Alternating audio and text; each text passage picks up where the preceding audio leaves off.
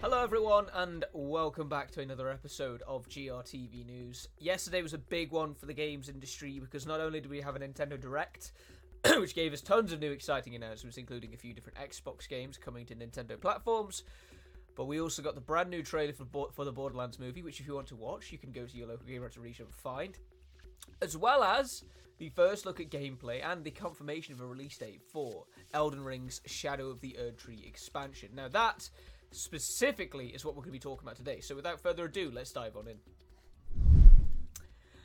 Elden Ring Shadow of the Erdtree confirmed for June launch in gameplay trailer. Get ready to fight new kinds of monsters with new weapons in an entirely new area this summer. From Software is known for making great expansions for, ga- uh, for its ga- apologies for its games. Combine this with Elden Ring being an incredible success both critically and commercially, and it's quite understandable that more than 300,000 of us were viewing the 30 hour count, uh, 30 minute countdown for Shadow of the Erdtree's gameplay trailer. I think all of us think the trailer was worth the wait. Not only does the gameplay trailer confirm Elden Ring Shadow of the Erdtree will launch on the 21st of June, which I it's the longest day of the year, I think.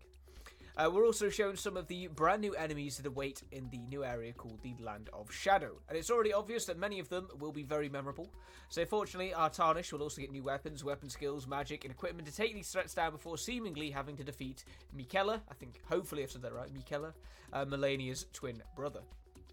I'm not going to show the trailer here, but if you want to find it, it's on your local Gamereactor region. And uh, yeah, if you liked Elden Ring, this is definitely going to be something that you won't want to miss. A few different screenshots here as well. So yes, Shadow of the Erdtree has been announced. Um, it's on its way. It's coming in the in the summer. Um, as to some of the details that there's going to be in in, uh, in regards to the game, um, well, it's going to be coming to all the platforms that the uh, the the Elden Ring is available on. So you know, don't don't think that it's going to be like Horizon Forbidden West with its um, with its Burning Shores expansion, which is only which only came to PS5 and not PS4. It is coming to PlayStation 4 and is coming to Xbox One as well. So if you play Elden Ring on those platforms, you can continue to play this expansion as well. Um, there's going to be various different editions of the Shadow of the Erdtree version of the game. So you, if you don't have Elden Ring, you can get them as a bundle. Uh, and there's also going to be some collector's editions as well. So if you like that good stuff, then make sure to check them out.